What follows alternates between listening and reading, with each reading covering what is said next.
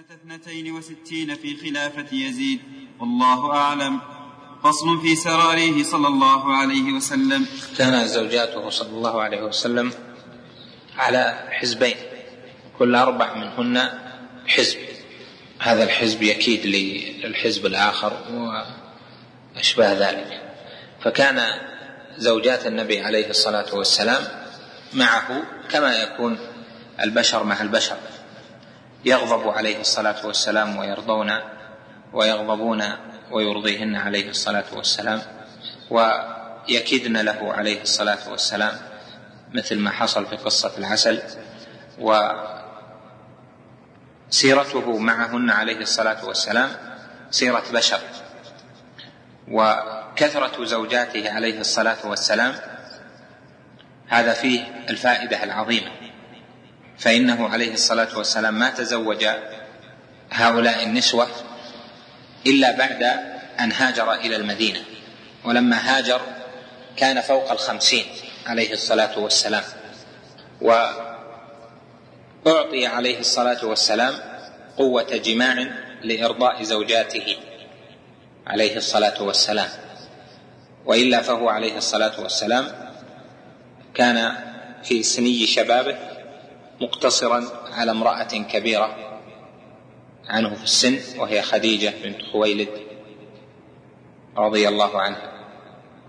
والفائدة العظمى من تزوجه بهذا العدد الكبير عليه الصلاة والسلام أن أحواله عليه الصلاة والسلام مع النساء تشريع عظيم. وسلوك الرجل في بيته موقوف على معرفة سلوك النبي عليه الصلاة والسلام في بيته لأن النبي عليه الصلاة والسلام بعث مبينا لمعاني القرآن وفي سيرته الهداية وفي سنته الأحكام. والحاصل بما نقل عن أزواجه عنه عليه الصلاة والسلام من الحديث أن كل واحدة نقلت من سنته عليه الصلاة والسلام في أهل بيته وفي أحكام النساء ما لم تنقله الأخرى فتزوجه عليه الصلاة والسلام بهذا العدد حماية للشريعة من أن لا من أن يفوت نقلها. وعائشة رضي الله عنها بالخصوص تزوجها صغيرة أيضا لهذه الحكمة لأن الصغيرة تعقل وتحفظ وتهتم من كل شيء. وأيضا فإن أمته عليه الصلاة والسلام قد يكون منهم من يتزوج الصغيرة. فلا بد من ظهور أحكام تزوج الصغيرات في حال النبي عليه الصلاة والسلام من جهة المعاشرة واللعب والأحكام. فعائشة نقلت عنه عليه الصلاة والسلام علما كثيرا جدا لأنها كانت صغيرة ليست منشغلة بما ينشغل به النساء الكبيرات بل كانت منشغلة بمعرفة حاله عليه الصلاة والسلام وسنته وأقواله. فحفظت منه عليه الصلاة والسلام علما كثيرا احتاج إليه الصحابة بل وغلطت الصحابة في أشياء كثيرة واستدركت عليه. فإذا تزوجه عليه الصلاة والسلام بثمان هذا لأجل حماية الشريعة ونقل أحكام الرجل مع النساء. نقل أحكام النبي عليه الصلاة والسلام مع نساء حتى تبقى أحكام هذه الشريعة ظاهرة. وهذا من رحمة الله جل وعلا بهذه الأمة ومن الحكمة العظيمة. لهذا أحكام الرجل مع زوجه أوضح في الأدلة الشرعية من أحكام البيوع وأحكام الأحكام التي يكون مدارها على الرجال. إنها واضحة. الهدي في البيت مع الزوجات والمعاشرة وأشباه ذلك. السنة نقلت كثيرا منها. إضافة إلى ما نقل عن الزوجات من أحكام متنوعة في القبر وعذابه والجنة والنار وصلاة الليل واشبه ذلك. وصلى الله وسلم وبارك على نبينا محمد والحمد لله الذي بعثه رحمة للعالمين وجعلنا من أمته عليه الصلاة والسلام. نعم. فصل في سراريه صلى الله عليه وسلم. قال أبو عبيدة كفه أربع مارية وهي التي وهي أم ولده إبراهيم وريحانة وجارية أخرى جميلة أصابها في بعض السبي وجارية وهبتها له زينب بنت جحش. فصل في مواليه صلى الله عليه وسلم. فمنهم زيد بن حارثة بن شراحيل حب رسول الله صلى الله عليه وسلم. السرية هي الأمة التي اختارها سيدها للوطن. لأن الإماء منهن ما هو للخدمة ومنهن ما هو للوطن. فإذا اختار هذه الأمة فراشا صارت سرية. هذا ظاهر الاستعمال. نعم. فصل في مواليه صلى الله عليه وسلم. فمنهم زيد بن حارثة بن شراحيل حب رسول الله صلى الله عليه وسلم. عتقه وزوجه مولاته أم مولا مولاته أم أيمن مولاته أم أيمن. فولدت له أسامة ومنهم أسلم وأبو رافع وثوبان وأبو كبشة سليم وشقران واسمه صالح ورباح ورباح ورباح النوبي ويسار النوبي أيضا وهو قتيل العرنيين ومدعم وكركرة نوبي أيضا وكان على وكان على ثقله صلى الله عليه وسلم. وكان يمسك راحلته عند القتال يوم, خيبر يوم خيبر. وفي صحيح البخاري أنه الذي غل الشملة ذلك اليوم ذلك اليوم فقتل. فقال النبي صلى الله عليه وسلم إنها لتلتهب عليه نارا. وفي الموطأ أن الذي غلها مدعم وكلاهما قتل بخيبر. والله أعلم. ومنهم أنجشة الحادي وسفينة بن فروخ واسمه مهران وسماه رسول الله صلى الله عليه وسلم سفينة لأنهم كانوا يحملونه في السفر متاعهم. فقال أنت سفينة؟ قال أبو حاتم. أعتقه رسول الله صلى الله عليه وسلم وقال غيره أعتقته أم سلم ومهران ومهران ومروان. وقيل هذا خلاف في اسم في اسم طهمان والله أعلم. ومنهم حنين وسندر وفضالة يماني ومابور ومابور خصي وواقد وأبو واقد وقسام وأبو عسيب وأبو مويهبة ومن النساء سلمى أم رافع وميمونة بنت سعد وخض وخضرة ورضوى ورزينة وأم ضميرة وميمونة بنت أبي عسيب ومارية وريحانة سندر أيضا خصي يعني هو قوله إيش؟ مابور خصي وسندر أيضا خصي فصل في خدامه صلى الله عليه وسلم. فمنهم أنس بن مالك وكان على حوائجه وعبد الله بن مسعود وعبد الله بن مسعود وسواكه وعقبة بن عامر الجهني صاحب بغلته يقود به في الأسفار وأسلى بن شريك وكان صاحب راحلته. وبلال بن رباح المؤذن وسعد مولى أبي بكر الصديق وأبو ذر الغفاري وأيمن بن عبيد وأمه أم أيمن مولى النبي صلى الله عليه وسلم. وكان أيمن على على مطهرته وحاجته. فصل في كتابه صلى الله عليه وسلم.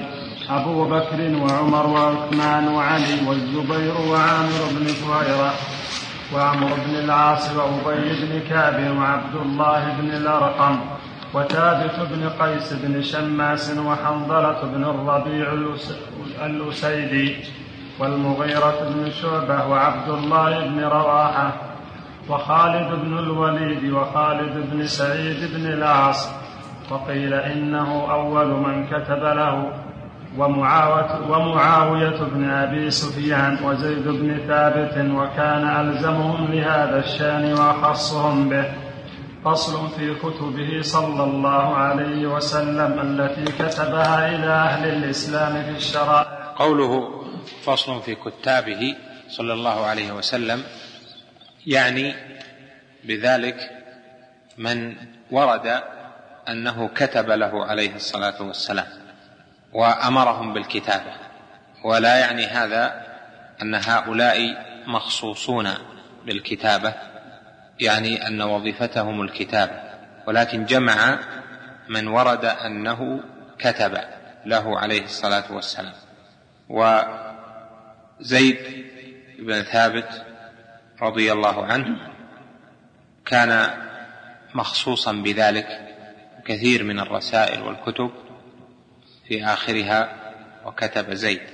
وهؤلاء منهم من كتب القرآن يعني من عاش إلى وقت عثمان رضي الله عنه منهم من كتب القرآن يعني في الكتابة العثمانية. نعم. فصل في كتبه صلى الله عليه وسلم التي كتبها إلى أهل الإسلام من الشرف الشرائع. فمنها كتابه في الصدقات الذي كان عند أبي بكر وكتبه أبو بكر لأنس بن مالك لما وجهه إلى البحرين وعليه عمل الجمهور. ومنها كتابه إلى أهل اليمن وهو الكتاب الذي رواه أبو بكر بن عمرو بن حزم عن أبيه عن جده. وكذلك رواه الحاكم في مستدركه والنسائي وغيرهما مسندا متصلا ورواه أبو داود وغيره مرسلا وهو كتاب عظيم فيه أنواع كثيرة من الفقه فيه أنواع كثيرة من الفقه في الزكاة والديات والأحكام وذكر الكبائر والطلاق والعتاق وأحكام الصلاة في الثوب الواحد. والاحتباء فيه ومس ومس المصحف وغير ذلك. قال الإمام أحمد لا شك أن رسول الله صلى الله عليه وسلم كتبه واحتج الفقهاء كلهم بما فيه من مقادير الديات ومنها كتابه إلى بني زهير ومنها كتابه الذي كان عند عمر بن الخطاب في نصب الزكاة وغيرها. نصوب الزكاة يعني الأنصبة أنصبة الزكاة مقادير التي تجب فيها الزكاة. كتاب أبي بكر أو الكتاب الذي رواه أبو بكر بن عمرو بن حزم عن أبيه عن جده يوجد متفرقا في كتب الحديث لكن النسائي رواه مطولا يعني رواه في موضع واحد فيستفاد منه. ومن أهل العلم من طعن فيه يعني في اتصاله بأنه منقطع والصواب أنه متصل لأنه وجادة مقبولة. فهذا الكتاب كتبه النبي صلى الله عليه وسلم ووجدوه يعني وجده أبو بكر بعد جده أو بعد أبيه ولو لم يرو يروه يعني ولو لم يؤذن له بروايته أو يحدث به فكونه وجد الكتاب الذي يعرفه ما يؤذن له في روايته على الحد المعروف في ما يسمى بالوجادة عند علماء مصطلح الحديث. فعلته ليست هي الوجادة بل والوجادة مقبولة في هذا. وهو كما ذكر ابن القيم يشتمل على مسائل كثير جدا من العلم والفقه وهو كتاب مهم لأهل العلم يستدلون بجمله على المسائل. فصل في كتبه ورسله صلى الله عليه وسلم إلى الملوك.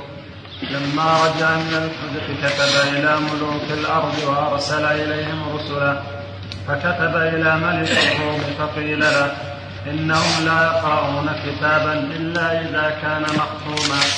فاتخذ خاتما من فضة ونقش عليه ثلاثة أسطر محمد سطر ورسول سطر والله سطر وختم به الكتب وختم به الكتب إلى الملوك. وبعث ستة نفر في يوم واحد في المحرم سنة سبع فأولهم عمرو بن أمية. قوله في ختم رسول الله صلى الله عليه وسلم ونقش عليه ثلاثة أسطر محمد سطر ورسول سطر والله سطر. تبدأ من أسفل محمد هو السطر الأسفل ورسول السطر الذي هو أعلى منه. ولفظ الجلالة أعلى فتقرأ من تحت إلى أعلى محمد رسول الله. وخاتمه عليه الصلاة والسلام موجود يمكن أن يرى لأن رسالته أو كتابه عليه الصلاة والسلام إلى ملك الروم أو إلى صاحب مصر موجود محفوظ الآن في بعض مكتبات أوروبا وأظنه عند النصارى. ورأيت صورته وهي كما وصف علماء الحديث وشراح الأحاديث على النحو الذي ذكرت لك. وفي هذا من الفائدة أن لفظ الجلالة الأدب معه أن يكون أعلى في الكلام فإذا كان الكلام يحتمل أن يكون لفظ الجلالة أسفل أو متوسط أو أعلى فإن جعله أعلى من الأدب مع أسماء الله جل وعلا كما فعل عليه الصلاة والسلام. وهذا تبع لأصل عام وهو تعظيم أسماء الله جل وعلا وتعظيم صفاته وتعظيم شعائر الله جل وعلا بعامه كما قال سبحانه ومن يعظم شعائر الله فإنها من تقوى القلوب.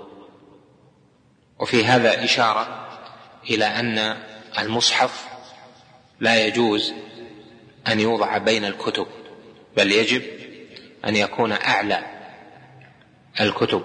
فلو احتجت إلى جعل المصحف مع كتب فيجعل أعلاها ولا يسوغ أن يجعل بينها لأنه كلام الله جل وعلا الذي يعلو ولا يعلى عليه. نعم. فأولهم عمرو بن أمية الضمري بعثه إلى النجاشي واسمه أصحمة بن أبجر وتفسير أصحمة بالعربية عطية. فعظم كتاب النبي صلى الله عليه وسلم ثم أسلم وشهد شهادة الحق. وكان من أعلم الناس بالإنجيل وصلى عليه النبي صلى الله عليه وسلم يوم مات بالمدينة وهو بالحبشة. هكذا قال جماعة هكذا قال جماعة منهم الواقدي وغيره. وليس كما قال هؤلاء. فإن أصحمة النجاشي الذي صلى عليه رسول الله صلى الله عليه وسلم ليس هو الذي كتب إليه ليس هو الذي كتب إليه هذا الثاني لا يعرف إسلامه بخلاف الأول. بخلاف الأول فإنه مات مسلما. وقد روى مسلم في صحيحه من حديث قتادة عن أنس قال كتب رسول الله صلى الله عليه وسلم إلى كسرى وإلى قيصر وإلى النجاشي وإلى النجاشي وإلى كل جبار يدعوهم إلى الله تعالى. وليس بالنجاشي الذي صلى عليه رسول الله صلى الله عليه وسلم. وقال أبو محمد بن حزم إن هذا النجاشي الذي بعث إليه رسول الله صلى الله عليه وسلم عمرو بن أمية الضمري لم يسلم والأول هو اختيار ابن سعد وغيره والظاهر قول ابن حزم. وهو الأصح هذا قول ابن حزم هو التحقيق لأن اسم النجاشي ليس اسما لأصحمة وإنما هو اسم لمن ولي ولاية أهل الحبشة. فكما أن قيصر اسم لعام لملوك الروم وفرعون اسم عام لملوك مصر وكسرى اسم عام لملوك فارس والمقوقس اسم عام لأمراء مصر للرومان. كذلك النجاشي اسم لكل من ولي ولاية الحبشة. فلهذا يقع الالتباس من من هنا والذي صلى عليه النبي صلى الله عليه وسلم لا يصح أن يقال إنه أرسل إليه عليه الصلاة والسلام عام أرسل الرسائل وهذا متأخر فيقول له أسلم تسلم. بل هو قد أسلم منذ كان الصحابة في مكة كما قص عليه جعفر قصة عيسى عليه السلام في القرآن فقال هذا يعني في أول سورة مريم فبين النجاشي أن هذا هو الحق الذي جاء في الإنجيل. نعم. وبعد دحية بن خليفة الكلب مع قيصر ملك الروم واسمه هرقل وهم بالإسلام وكاد ولم يفعل وقيل بل أسلم وليس بشيء. وقد روى أبو حاتم بن حبان في صحيحه عن أنس بن مالك قال قال قال رسول الله صلى الله عليه وسلم من ينطلق بصحيفتي هذه إلى قيصر وله الجنة. فقال رجل من القوم وإن لم يقبل. قال وإن لم يقبل. الله أكبر. فوافق قيصر وهو يأتي بيت المقدس قد جعل عليه بساط لا يمشي عليه غيره. فرمى بالكتاب على البساط وتنحى. فلما انتهى قيصر إلى الكتاب أخذه. فنادى قيصر من صاحب الكتاب فهو آمن. فجاء الرجل فقال أنا. قال فإذا قدمت قال فإذا قدمت فأتني فلما قدم أتاه قام قيصر بأبواب قصر. فإذا فإذا قدمت فإذا قدمت فأتني. فإذا قدمت يعني البلد أو إذا قدمت أنا البلد يعني هي محتملة. على كل حال. نعم. فإذا قدمت فأتني. فلما قدم أتاه فأمر قيصر بأبواب قصره فأغلقت ثم أمر مناديا ينادي ألا إن قيصر قد اتبع محمدا وترك النصرانية؟ فأقبل جنده وقد تسلحوا حتى طافوا به. فقال لرسول رسول الله صلى الله عليه وسلم قد ترى أني خائف على مملكتي. ثم أمر مناديه فنادى ألا إن قيصر قد رضي عنكم وإنما اختبركم لينظر كيف صبركم على دينكم؟ أعوذ بالله. فارجعوا فارجعوا فانصرفوا. فارجعوا فانصرفوا. وكتب إلى رسول وكتب إلى رسول الله صلى الله عليه وسلم أني مسلم. وبعث إليه بدنانير. فقال رسول الله صلى الله عليه وسلم كذب عدو الله ليس بمسلم وهو على النصرانية. وقسم الدنانير. وبعد عبد الله بن حذافة السهمي إلى كسرى. واسمه أبروي بن هرمز بن أنوشروان تمزق كتاب النبي صلى الله عليه وسلم. فقال النبي صلى الله عليه وسلم اللهم مزق ملكه فمزق الله ملكه وملك قومه.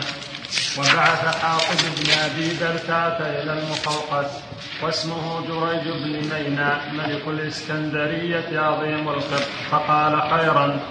فقارب الأمر ولم يسلم وأهدى للنبي صلى الله عليه وسلم ماريا وقتيها سيرين وقيسرا فتسرى ماريا.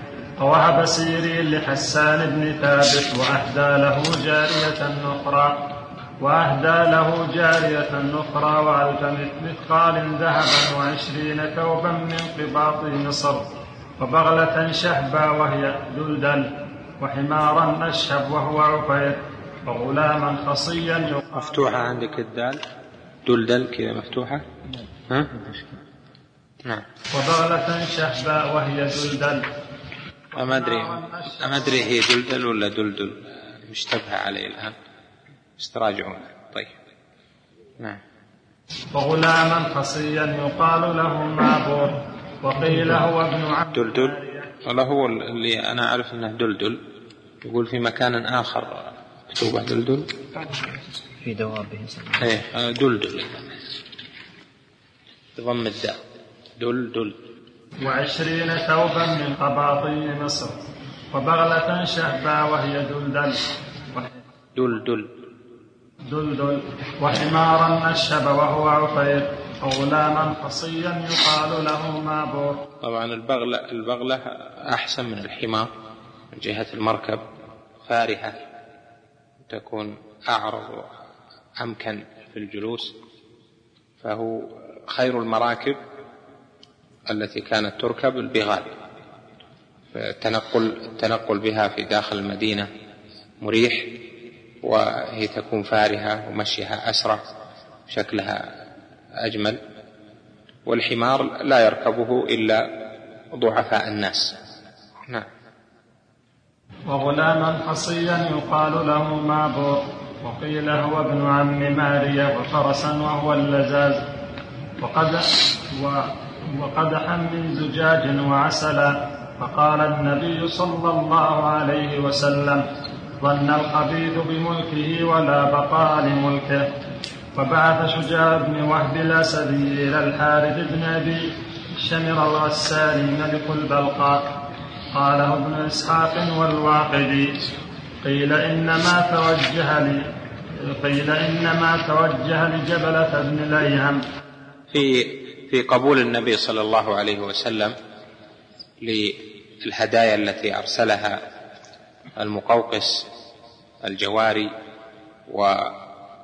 والمراكب واللباس إلى غير ذلك فيه جواز قبول هدية المشرك وهدايا المشرك سواء للإمام أو للناس فإن قبولها لا بأس به ولا يدخل هذا في الموادة المحرمة لأن هذا تعامل في الظاهر فالهدية وقبولها أمر ظاهري مع بقاء القلب على البغض ولهذا قال عليه الصلاة والسلام هنا بعد أن قبل الهدية ظن الخبيث بملكه. يعني أن قبول الهدية لا ينافي الاعتقاد الباطن والبغض القلبي لأهل الكفر. فالتعامل الظاهري شيء والموادة الباطنة شيء آخر. نعم. وبعث شجاع بن وهب الاسدي إلى الحارث واجد. شمر الغسان ملك البلقاء قاله ابن إسحاق والواقدي أسماء الأنبياء ممنوعة من الصرف ما عدا أربعة صالح وهود ونوح ومحمد عليه الصلاة والسلام وما عدا هذه الأربعة فهو ممنوع من الصرف للعلمية والعجمة هم؟ نعم. بدل نوح؟ لا نوح إنا أرسلنا نوحا إلى قومه. وعلى كل حال آه، الثلاثي الساكن الوسط. إذا كان أعجميا فيجوز فيه الوجهان تلحق لوط بها؟ طيب ماشي. نعم. إيش؟ لا شعيب ليس ممنوعا من الصرف. وإلى عاد و... وإلى مدين أخاهم. شعيبا إذا تراجعون القاعدة في النحو يمكن التبست. نعم. قيل إنما توجه لجبلة بن الأيهم وقيل توجه لهما معا وقيل توجه لهرقل مع جحية بن خليفة والله أعلم. وبعث سليط بن عمرو إلى عودة بن علي الحنفي باليمامة فأكرمه. قيل بعثه إلى هوذة وإلى ثمامة بن أثال الحنفي فلم يسلم هوذة وأسلم ثمامة بعد ذلك. فهؤلاء الستة قيل هم الذين بعثهم رسول الله صلى الله عليه وسلم في يوم واحد. وبعث عمرو بن العاص في ذي القعدة سنة ثمان إلى جيفر وعبد الله بن الجندري الأزديين أزديين الأزديين بعمان فأسلما وصدقا وحليا بين عمرو وبين الصدقة والحكم فيما بينهم فلم يزل فيما بينهم حتى بلغته وفاة رسول الله صلى الله عليه وسلم. وبعث العلاء بن الحضرمي إلى المنذر بن ساوى العبدي ملك البحرين قبل منصرفه من الجيرانة. وقيل قبل الفتح فأسلم وصدق. وبعث المهاجر بن أبي أمية المخزومي. مهاجرة مهاجرة اللي باعث النبي صلى الله عليه وسلم. وبعث المهاجر ابن وبعث المهاجر بن أبي أمية المخزومي إلى الحارث بن عبد كلال الحميري باليمن فقال سأنظر في أمري. وبعث أبو موسى الأشعري معاذ بن جبل إلى اليمن عند انصرافه من تبوك. وقيل بل سنة عشر من ربيع الأول داعيين إلى الإسلام. فأسلم عامة أهلها طوعا من غير قتال. ثم بعث بعد ذلك علي بن أبي طالب إليهم. وافاه بمكة في حجة الوداع. وبعث جرير بن عبد الله البجلي إلى ذي الكلاء الحميري وذي عمرو يدعوهما إلى الإسلام فأسلما. وتوفي رسول الله صلى الله عليه وسلم وجرير عندهم. وبعث عمرو بن أمية الضمري إلى مسيلمة الكذاب بكتاب وكتب إليه بكتاب آخر مع السائب بن الأوام الزبير فلم يسلم.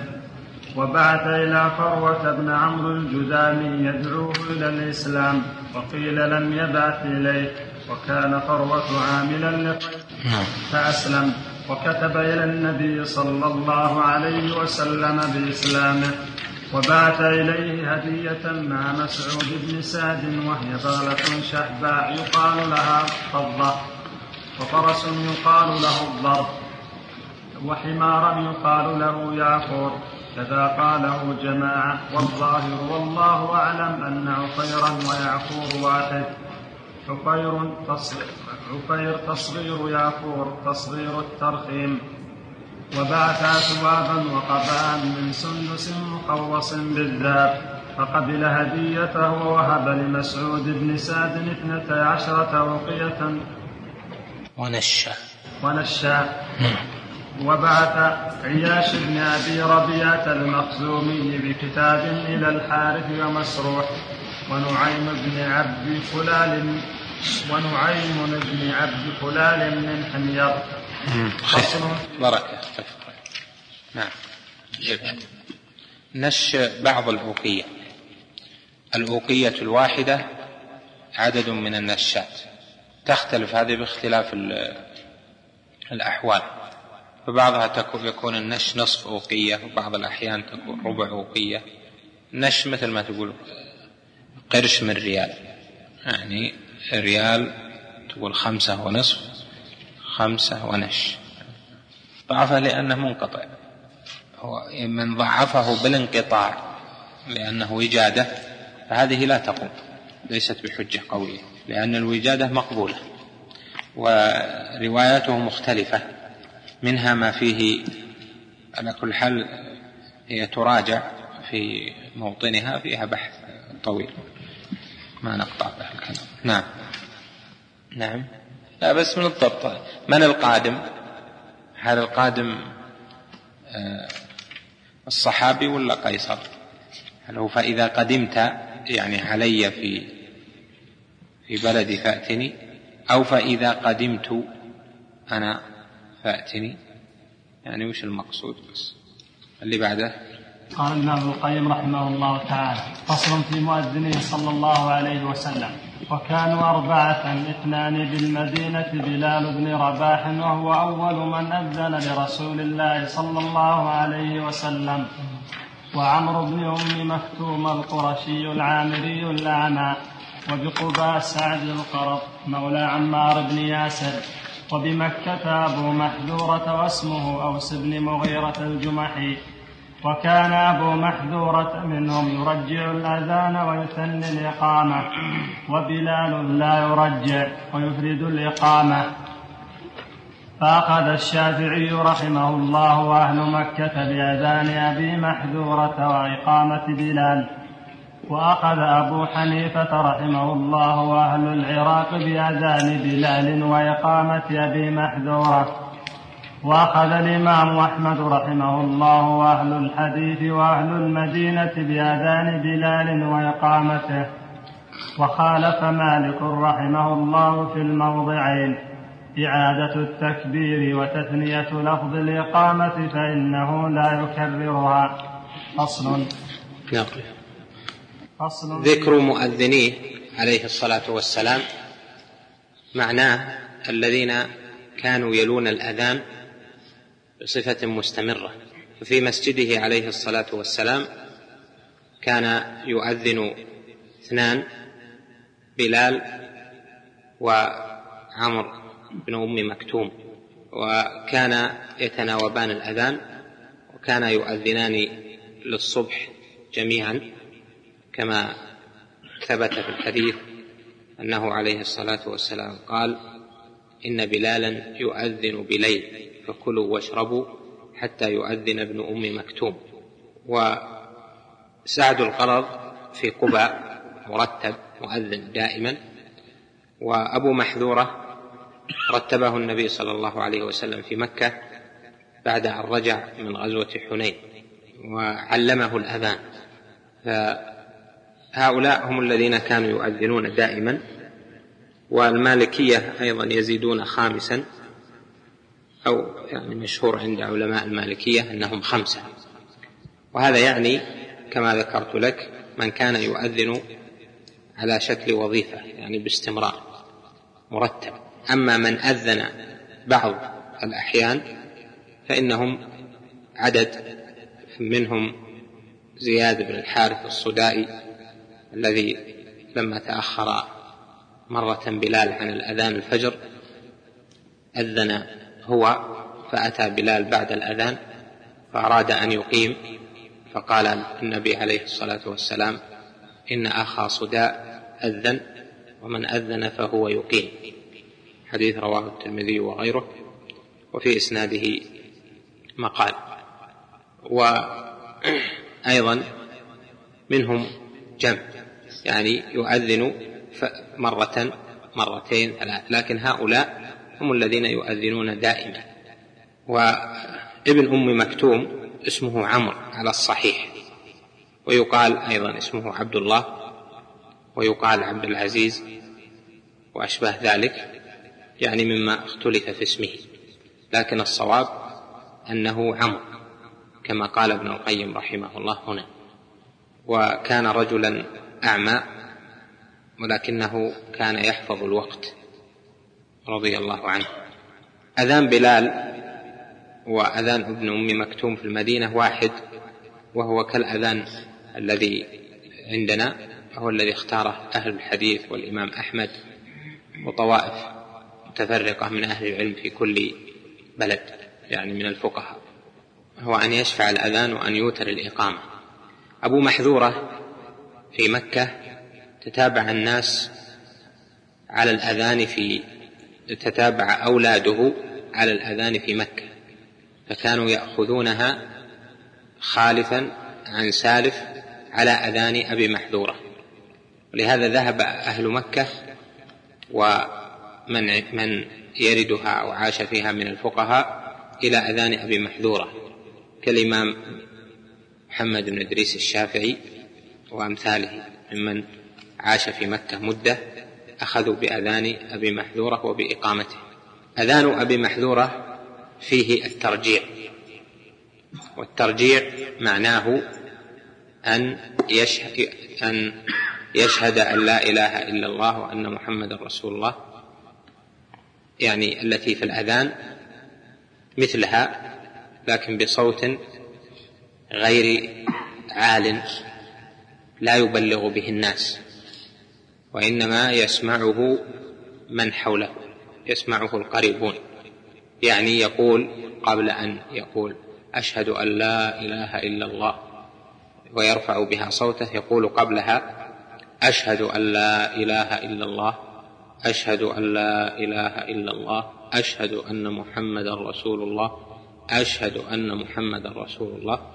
فيسمع منه من كان منه قريب ولا يبلغ الناس ثم يرجعها يعني يعود فيها مرة أخرى ليبلغ الناس فيرفع صوته بها.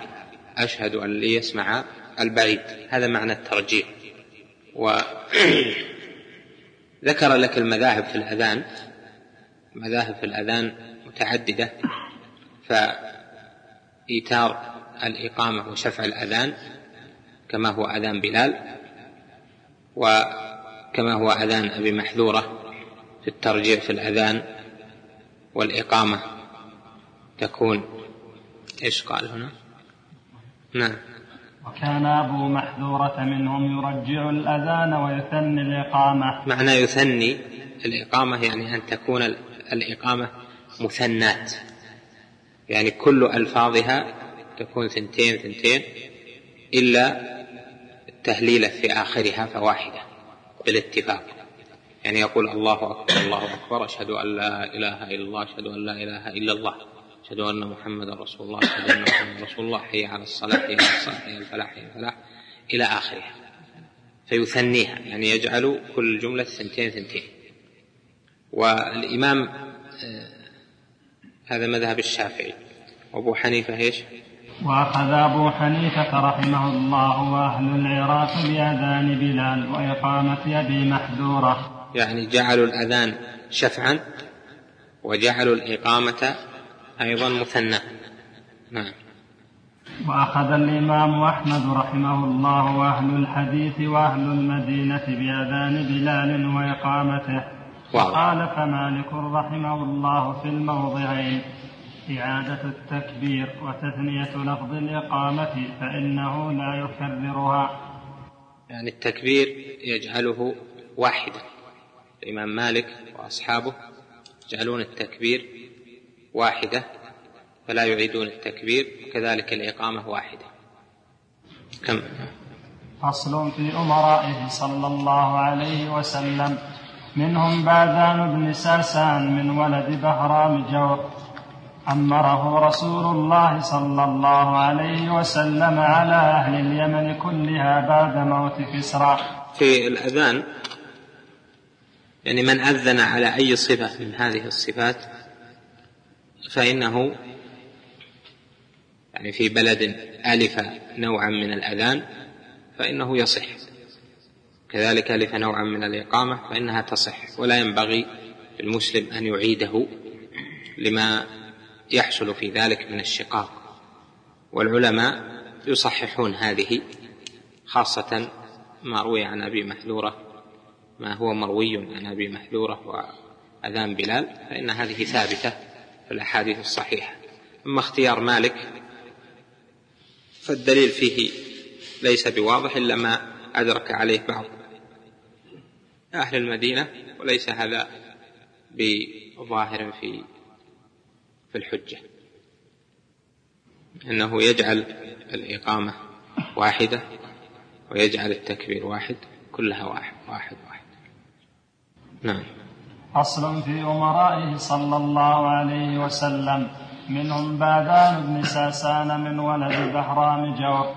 أمره رسول الله صلى الله عليه وسلم على أهل اليمن كلها بعد موت كسرى.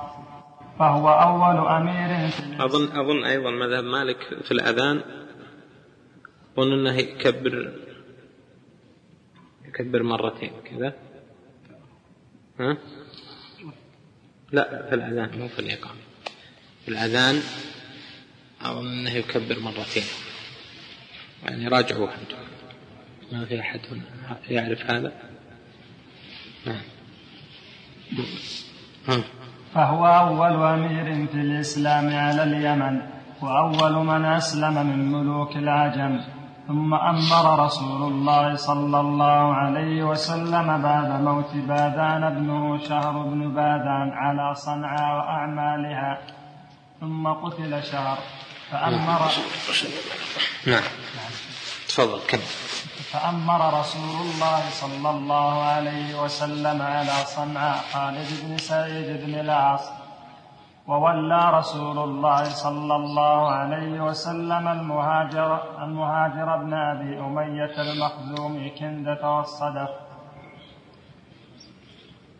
فتوفي رسول الله صلى الله عليه وسلم ولم يسر إليها. فبعثه أبو بكر إلى قتال أناس من المرتدين. وولى زياد بن أمية الأنصاري حضرموت وولى أبا موسى الأشعري زبيد وعدن والساحل. وولى معاذ بن جبل الجند جند الجند وولى أبا سفيان صخر بن حرب النجران.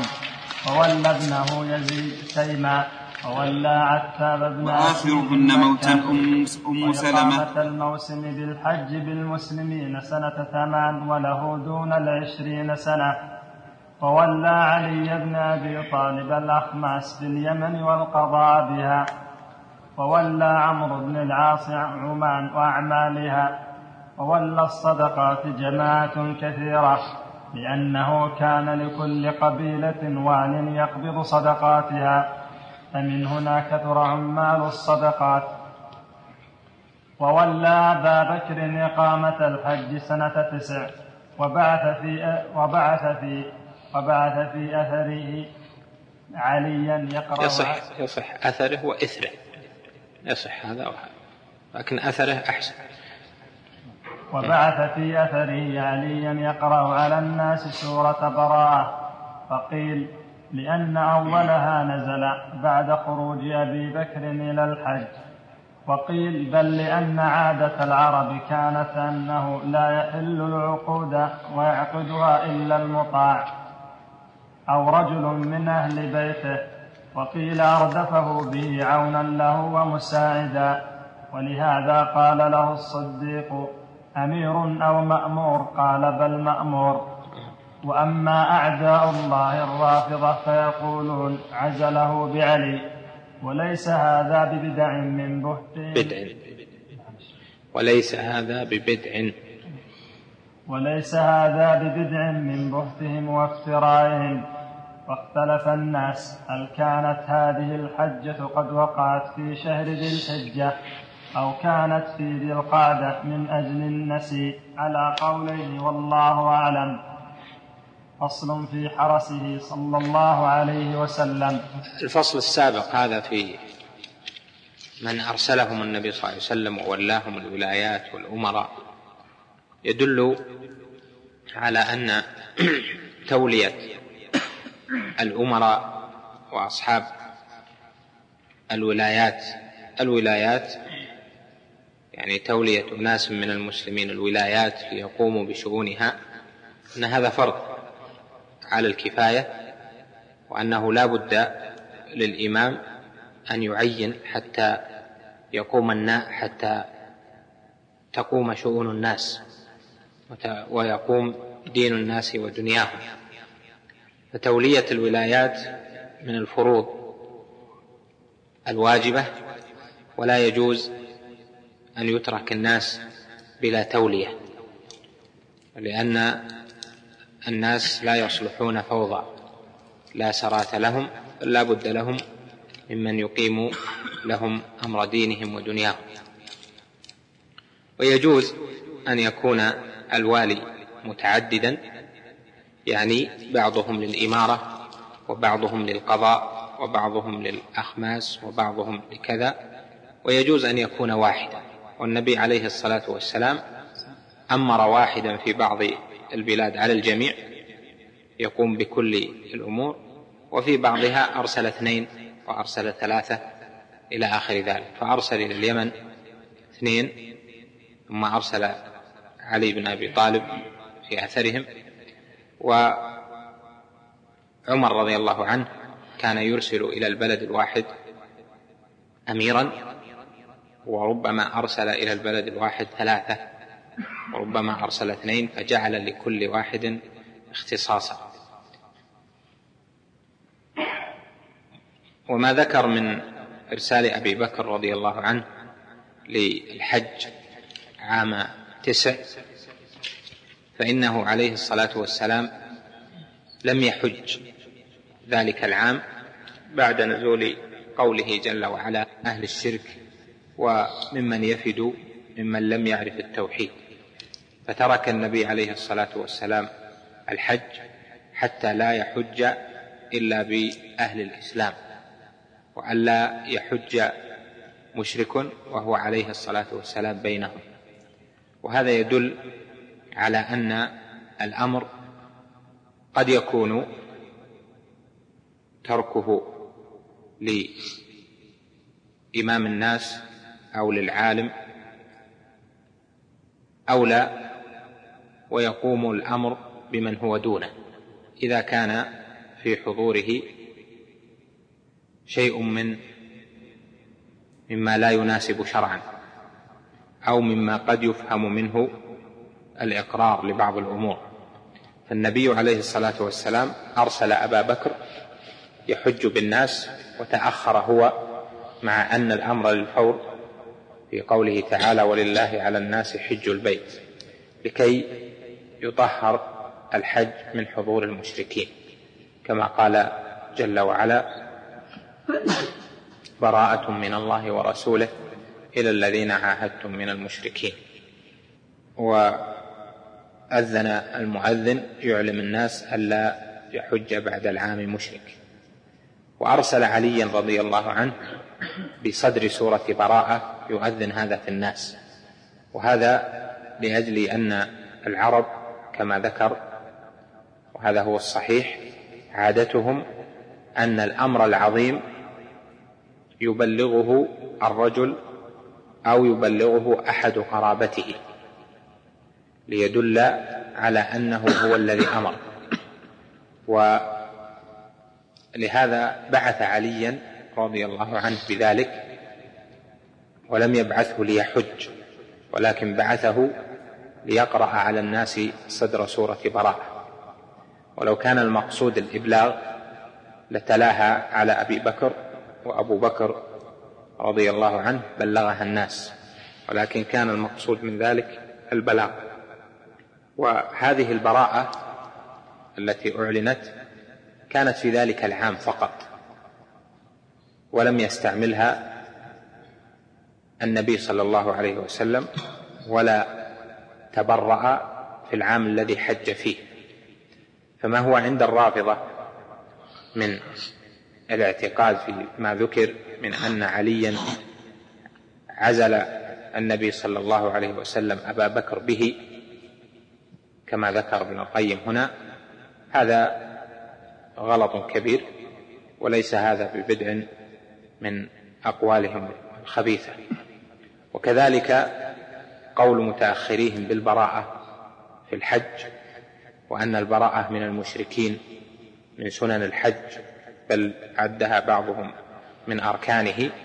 هذا أيضا باطل لأن البراءة حصلت في السنة التاسعة فقط. أما في السنة العاشرة حين حج النبي صلى الله عليه وسلم فلم تتلى سورة براءة ولم تعلن البراءة الخاصة. كذلك أبو بكر رضي الله عنه لما حج بالناس وعمر وعثمان وعلي فيهم رضي الله عنهم أجمعين لم تعلن البراءة فدل على أنها كانت مخصوصة بسنة تسع حتى لا يحج بعد العام مشرك وأن البراءة من المشركين حصلت بتبليغ علي للناس ذلك في سنة تسع وتكتفي الأمة بهذا فإحداثها بدعة لترك النبي صلى الله عليه وسلم لها ولعدم جريان عمل الخلفاء عليها. في آخر بحث ابن القيم ذكر أن حجة أبي بكر سنة تسع هل كانت في ذي الحجة أو كانت في ذي القعدة على قولين؟ والصواب أنها كانت في ذي الحجة ولم تكن في ذي القعدة. وأما من قال إنها في ذي القعدة فهذا مروي عن مجاهد وهو معروف عنه بإسناد جيد أنه كان يرى في النسيء الذي فيه نزل قول الله جل وعلا إنما النسيء زيادة في الكفر. يضل به الذين كفروا يحلونه عاما ويحرمونه عاما ليواطئوا عدة ما حرم الله فيحلوا ما حرم الله. زين لهم سوء أعمالهم. كان يرى أن النسيء هذا أن يؤخر الشهر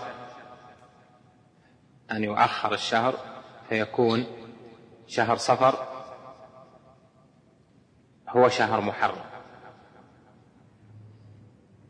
يكون شهر صفر هو شهر محرم فيبتدئون منه. أو يقدم شهر. فيكون عندئذ فيكون شهر ذي الحجة على قول مجاهد يكون في شهر ذي القعدة. ويكون ذي القعدة هو ذو الحجة يعني بحسب نسيئهم. وهذا القول أيضا هذا القول ليس بجيد وليس هو معنى النسيء لأن الله جل وعلا بين في كتابه في سورة براءة التي فيها ذكر النسيء أن أذان علي في الناس بأذان الله جل وعلا كان يوم الحج الأكبر. فقال جل وعلا وأذان من الله للناس يوم الحج الأكبر. أن الله بريء من المشركين ورسوله. فالبراءة حصلت يوم الحج الأكبر. فتسمية الله ذلك اليوم يوم الحج الأكبر يدل على أنه كان في ذي الحجة. فلا يسمي الله جل وعلا ما كان في ذي القعدة يوم الحج الأكبر باعتبار نسيء المشركين. هذا لا يجوز أن يقال. قول مجاهد ليس بجيد وليس بصواب بل الصواب هو القول الذي عليه الجمهور أن حجة أبي بكر كانت في شهر ذي الحجة. وأن نسيء معناه التأخير فيؤخرون تحريم المحرم لأن الأشهر الحرم ثلاثة متوالية ذو القعدة وهي ذو القعدة وذو الحجة ومحرم ورجب. فمحرم ينسؤونه يعني يؤخرونه إلى صفر ومرة يجعلونه في مكانه فيحلونه سنة ويحرمونه سنة. وكان يلي ذلك رجل منهم يعلن ذلك في الناس أن محرم هذه السنة أخر إلى صفر. ففي محرم يقع الاعتداء ويقع القتل والله جل وعلا قد حرم هذه الأشهر الأربعة حين خلق السماوات والأرض. إن عدة الشهور عند الله اثنا عشر شهرا في كتاب الله. يوم خلق السماوات والأرض منها أربعة حرم فدل هذا في بحث معروف في النسيء أن النسيء ظاهر الآية أنه يحل عاما ويحرم عاما. فدل على أنه لا تتغير الشهور بتقديم أو بتأخير لكن ينسؤون الشهر يعني حرمة الشهر. لهذا قال ليواطئوا عدة ما حرم الله. غرضهم أن يوافقوا العدة ولو خالفوا الزمان نفسه. ليس المقصود العدة المقصود نفس الأشهر الحرم. قول ابن القيم هنا اختلف الناس يشعر بأن الاختلاف يعني على هذين القولين قوي لكن هذا ليس ب ما أعرف أن هذا خلاف قوي وإنما القول المشهور هو أنه كان في ذي الحجة. وأما قول مجاهد ومن معه كما ذكرت لك مخالف لظاهر قوله تعالى وأذان من الله للناس يوم الحج الأكبر فصل في حرسه صلى الله عليه وسلم. فمنهم سعد بن معاذ حرسه يوم بدر حين نام في العريش. ومحمد بن مسلمة حرسه يوم أحد والزبير بن العوام حرسه يوم الخندق ومنهم عباد بن بشر وهو الذي كان على حرسه وحرسه جماعة آخرون غير هؤلاء. فلما نزل قوله تعالى والله يعصمك من الناس خرج على الناس فأخبرهم بها وصرف الحرس. فصل. فصل في من كان يضرب الأعناق بين يديه صلى الله عليه وسلم. علي بن أبي طالب والزبير بن العوام والمقداد بن عمرو. عمرو عمرو. والمقداد بن عمرو ومحمد بن مسلمة وعاصم بن ثابت بن أبي الأقلح والضحاك بن سفيان الكلابي. وكان قيس بن سعد بن عبادة الأنصاري منه صلى الله عليه وسلم بمنزلة صاحب الشرطة بمنزلة صاحب الشرطة من الأمير. ووقف المغيرة بن شعبة على رأسه بالسيف يوم الحديبية. يعني أنهم آه، يضربون الأعناق يعني يمشون أمامه. فيأمرون الناس أن يتفرقوا عن الطريق لمروره عليه الصلاة والسلام. نعم. فصل في من كان على نفقاته وخاتمه ونعله وسواكه ومن كان يأذن عليه كان بلال على نفقاته ومعيقيب بن ومعيقيب بن أبي فاطمة الدوسي على خاتمه وابن مسعود على سواكه ونعله. وأذن عليه رباح الأسود و وأن وأنسة مولاه أنسة وأنسة أو. إيه أنسة نعم. وأنسة مولاه وأنس بن مالك وأبو, مس وأبو موسى الأشعري. يعني يستأذنون بالدخول عليه. يعني يحملون الرسالة. من أتى يريده. يقولون فلان يريده تأذن له أم لا تأذن؟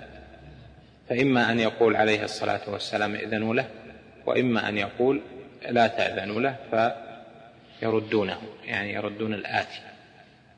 هذا معنى من كان يأذن عليه يعني من كان يستأذن للقادم عليه عليه الصلاة والسلام. يسأل يدخل فلان أو لا يدخل عليه الصلاة والسلام. نعم. فصل في شعرائه وخطبائه صلى الله عليه وسلم. كان من شعرائه الذين يذبون عن الإسلام كعب بن مالك نعم. وعبد الله بن رواحة وحسان بن ثابت وكان أشدهم على الكفار حسان بن ثابت وكعب بن مالك. وكعب بن مالك يعيرهم بالكفر والشرك. وكان خطيبه ثابت بن قيس بن شماس. فصل. فصل في حداته الذين كانوا يحدون بين يديه صلى الله عليه وسلم في السفر. صلى وسلم. منهم عبد الله بن رواحة وأنجشة وعامر بن الأكوع وعمه سلمة بن الأكوع. وفي صحيح مسلم كان لرسول الله صلى الله عليه وسلم حاد حسن الصوت. فقال له رسول الله صلى الله عليه وسلم رويدا يا أنجشة رويدا يا أنجشة لا تكسر القوارير. يعني ضعفة النساء. فصل. هذا الحادي له يعني عدة ألفاظ يحدو بها والمقصود من هنا ما من كان يحدو لتسير الإبل سيرا حثيثا. فالإبل إذا حاد الحادي بصوت جميل نشطت وأسرعت. فكلما حسن الصوت لها كلما نشطت وأسرعت. فإذا أسرعت ضر هذا بالنساء لأن النساء يكن في الهوادج يعني في داخل الغطاء وحركتها أيضا محدودة مثل ليست مثل الرجل. فقال عليه الصلاة والسلام يا أنجشة رويدك رويدك لا تكسر القوارير أو رفقا بالقوارير. يعني لا تزد في الحداء فتسرع الإبل فيتضرر النساء. قف على هذا. أصله من حفظه. نعم. مر معنا. ابن القيم ألف هذا من ذاكرته أنه ذكر قال مع تشتت تشعب الهموم والقلب بكل واد منه نزعة والمرء ليس له أنيس ولا كتاب معه. فهذا الكتاب ألفه ابن القيم يعني أصله راجع بعد ذلك وكمله. فأصله ليس له ليس معه كتب يراجعها كذلك كتابه شرح تهذيب السنن. المعروف. هذا أيضا ألفه وهو أمام الكعبة في شهرين وليس بين يديه كتاب كما ذكر هو عن نفسه في في موضع في الكتاب. فابن القيم رحمه الله كان من الحفاظ الكبار بسم الله الرحمن الرحيم. بس تدرج بسرعة الحمد لله رب العالمين وصلى الله وسلم على نبينا محمد وعلى آله وصحبه أجمعين. قال المصنف رحمه الله تعالى فصل في غزواته وبعوثه وسراياه. صلى الله عليه وسلم. غزواته كلها وبعوثه وسراياه كانت بعد الهجرة في مدة عشر سنين. فالغزوات سبع وعشرون وقيل خمس وعشرون وقيل تسع وعشرون وقيل غير ذلك. قاتل منها في تسع بدر وأحد. قاتل منها في تسع بدر وأحد. والخندق وقريضة والمصطلق وخيبر والفتح وحنين والطائف. وقيل قاتل في بني في بني في بني النضير. في بني النضير والغابة ووادي القرى من أعمال خيبر. وأما سراياه وبعوثه صلى الله عليه وسلم فقريب من ستين. والغزوات الكبار الأمهات سبع. بدر وأحد والخندق وخيبر والفتح وحنين وتبوك. وفي شأن هذه الغزوات نزل القرآن فسورة الأنفال فسورة الأنفال سورة بدر. وفي أحد آخر وفي أحد آخر سورة آل عمران من قوله تعالى وإذ غدوت من أهلك تبوئ, تبوئ المؤمنين مقاعد للقتال إلى قبيل آخرها بيسير وفي قصة الخندق وقريضة وفي قصة الخندق وقريضة وفي قصة الخندق وقريضة وقريضة وخيبر صدر سورة الأحزاب وسورة الحشر في بني النظير وفي قصة الحديبية وخيبر سورة الفتح وأشير فيها إلى الفتح وذكر الفتح صريحا في سورة النصر. وجرح منها صلى الله عليه وسلم في غزوة واحدة وهي أحد وقاتلت معه الملائكة وقاتلت معه الملائكة منها في بدر وحنين ونزلت الملائكة يوم الخندق فزلزلت المشركين وهزمتهم. ورمى فيها ورمى فيها الحصباء في وجوه المشركين فهربوا وكان الفتح في غزوتين بدر وحنين وقاتل بالمنجنيق منها في غزوة واحدة وهي الطائف وتحصن في الخندق في واحدة وهي الأحزاب أشار به عليه سلمان أشار به عليه سلمان الفارسي رضي الله عنه. فصل في ذكر سلاحه وأثاثه صلى الله عليه وسلم. كان له تسعة أسياف مأثور وهو أول سيف ملكه وورثه عن من أبيه والعرض وذو الفقار بكسر الفاء وبفتح الفاء وكان لا يكاد يفارقه وكانت قائمته وقبيعته وحلقته وذؤابته وبكراته ونعله من فضة والقلعي والبتار والحتف والرسوب والمجذم والقضيب وكان نعل سيفه فضة وما بين ذلك حلقة حلق فضة.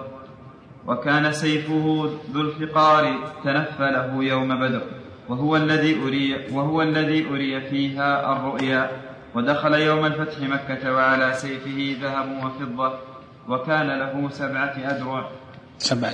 وكان له سبعة أدرع ذات الفضول وهي التي رهنها عند أبي الشحم اليهودي على شعير لعياله وكان ثلاثين صاعا وكان الدين إلى سنة وكانت الدرع من حديد وذات الوشاح وذات الحواشي والسعدية وفضة والبتراء والبتراء والخرنق والخرنق.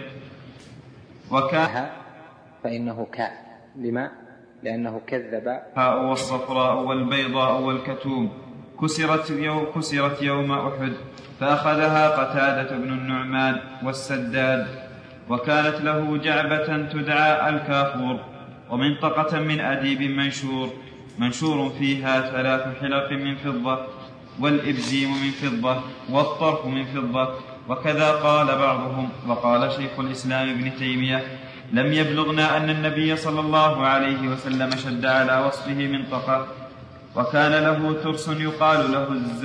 يقال له الزلوق وترس يقال له الفتق قيل وترس أهدي إليه فيه صورة تمثال فوضع يده عليه فأذهب الله ذلك التمثال وكانت له خمسة أرماح يقال لأحدهم المثوي والآخر المثني.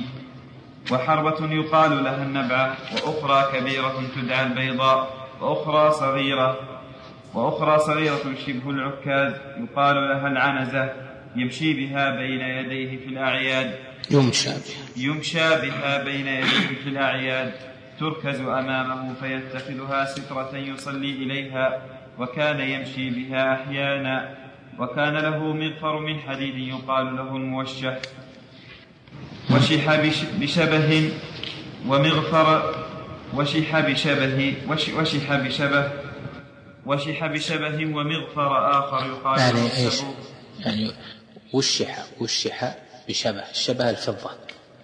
الفضة اللي غير صافية. شبه يقال لها شبه. وشح بشبه يعني جعل فيه فضة غير صافية يعني فيها رواسب كثيرة تكون سودة شوي. سميت شبه لأنها شبيهة بالفضة وإن لم تكن فضة خالصة. وشح بشبه ومغفر آخر يقال له السبوق أو ذو السبوق وكان له ثلاث جباب يلبس وكان له ثلاث جباب يلبسها في الحرب.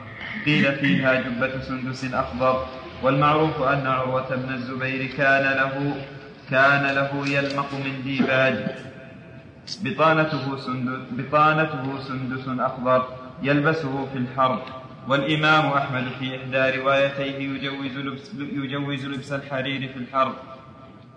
وكانت له راية سوداء يقال لها العقاب. وفي سنن أبي داود عن رجل من الصحابة قال رأيت راية رسول الله صلى الله عليه وسلم صفراء وكانت له ألوية بيضاء وربما جعل فيها الأسود وكان له فسطاط يسمى الكن ومحجن قدر ذراع أو أطول يمشي به ويركب به ويعلقه بين يديه على بعيره ومخضرة تسمى العرجون وقضيب من الشوحط يسمى الممشوق قيل وهو الذي كان يتداوله الخلفاء وكان له قدح يسمى الريان ويسمى مغنيا وقدح آخر مضبب وقدح آخر مضبب بسلسلة من فضة وكان له قدح من قوارير وقدح من عيدان يوضع تحت سريره يبول فيه بالليل وركوة, وركوة تسمى الصادر قيل وتور من حجارة يتوضأ منه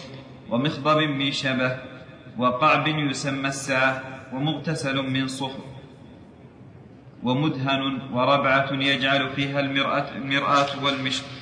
قيل وكان المشط من عاج وهو الذبل ومكحلة يكتحل منها عند مشط النوم مشط ومكحلة. مشط ومكحلة. نعم. وكان وكان المشط من من عاج وهو الذبل ومكحلة يكتحل منها عند النوم ثلاثا في كل عين بالإثمد وكان في الربعة وكان في الربعة المقراضان والسواك. وكانت له قصعة تسمى الغراء لها أربعة لها أربع حلق يحملها أربعة رجال بينهم وصاع وصاع ومد وقطيفة وسرير قوائمه من ساج. أهداه له هذه الحلقة يعني يطوف عليها عشرين تقريبا وقيل عشرة. لأن النبي صلى الله عليه وسلم قال مرة إذنوا لعشرة ثم قال إذنوا لعشرة ثم إذنوا لعشرة في الطعام.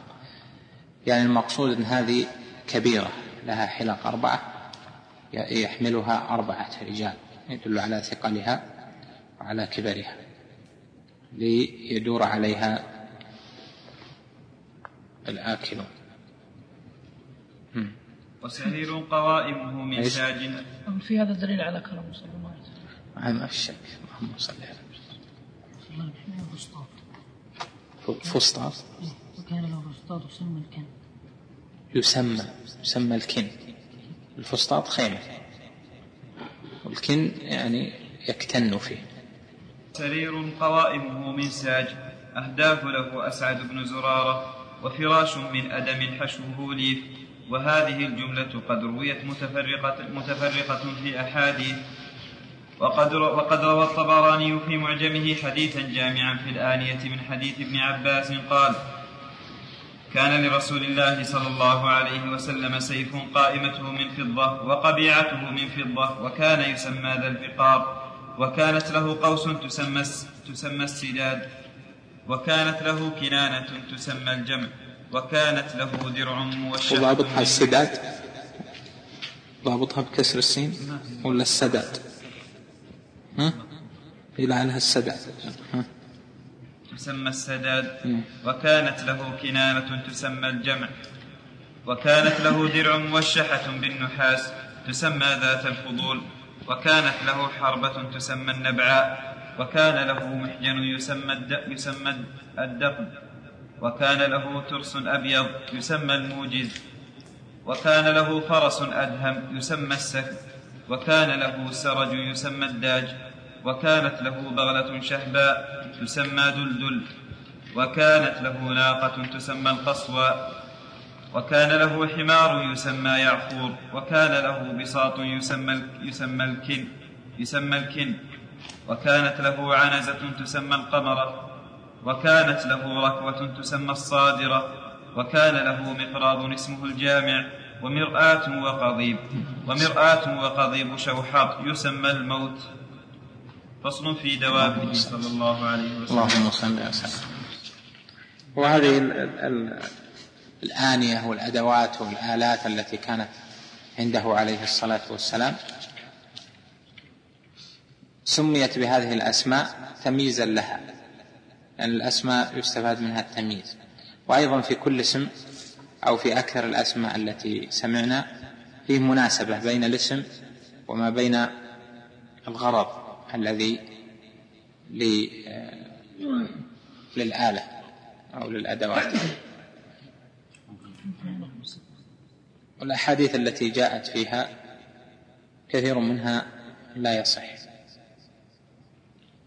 وجمعها بعض من ألف في السير وفي حاله عليه الصلاة والسلام في بعض الكتب المطولة يعني قبل ابن القيم ومثل كتاب الشفاء للقاضي عياض وأشباه ذلك لكن أكثرها كما ذكرت لك لا يصح.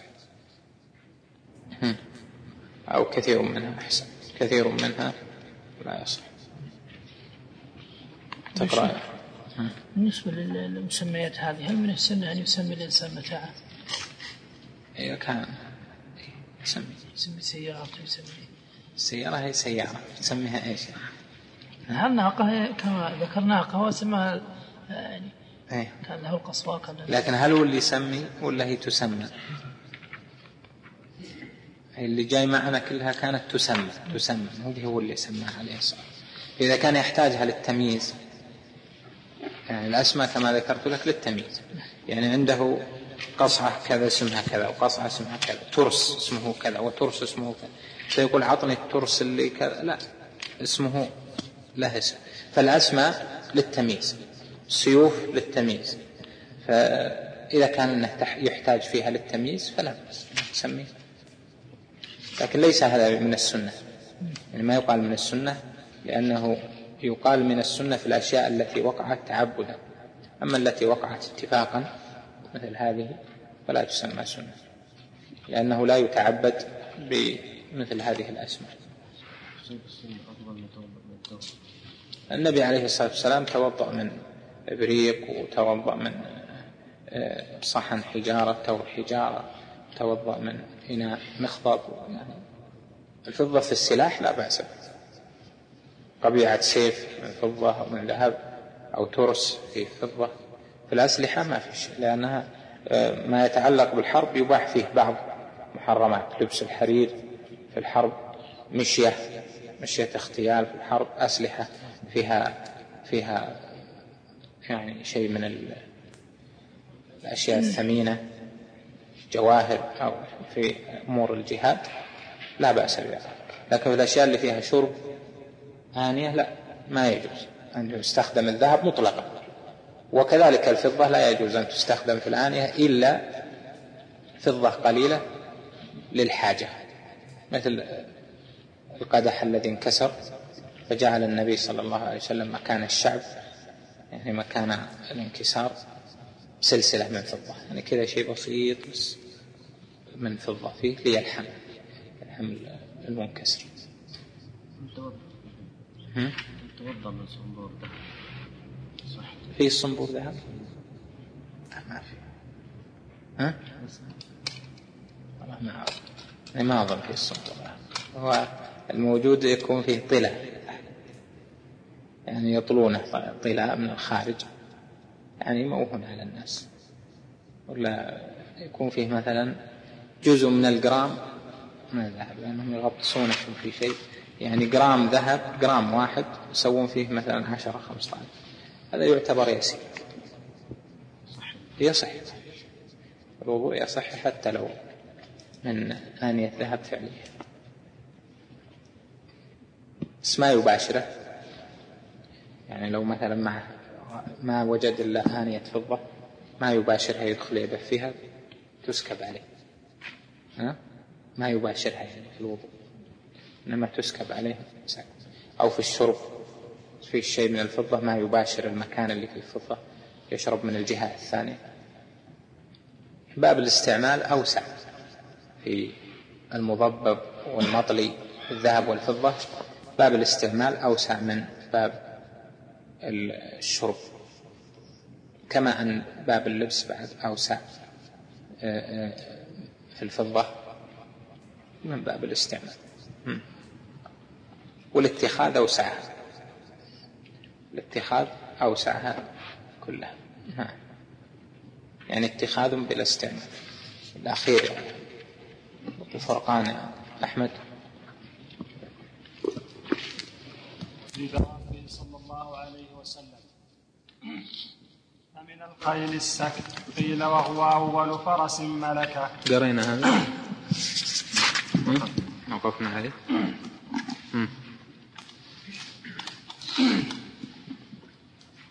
فصل في دوابه صلى الله عليه وسلم فمن الخيل السكت قيل وهو أول فرس ملكه وكان اسمه عند الأعرابي الذي اشتراه منه بعشرة أواق الضرس.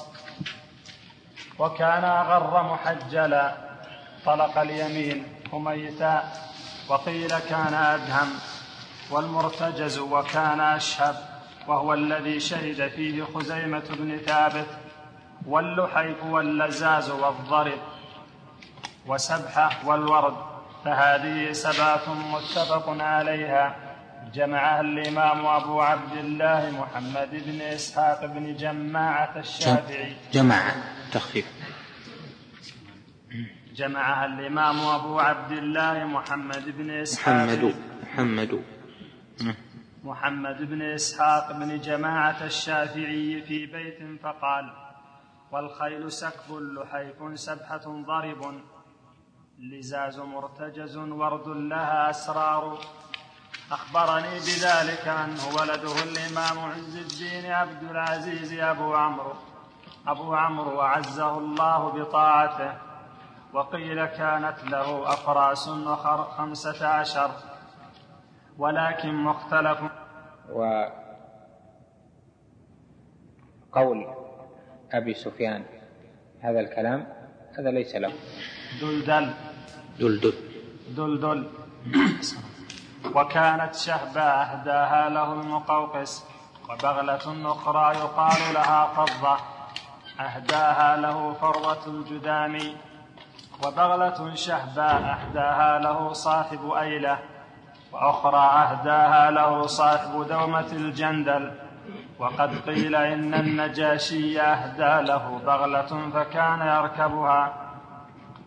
ومن الحمير عفير وكان أشهب أهداه له المقوقس ملك القبط وحمار آخر أهداه له فروة الجدام. صلى الله عليه وسلم حمارا فركبه.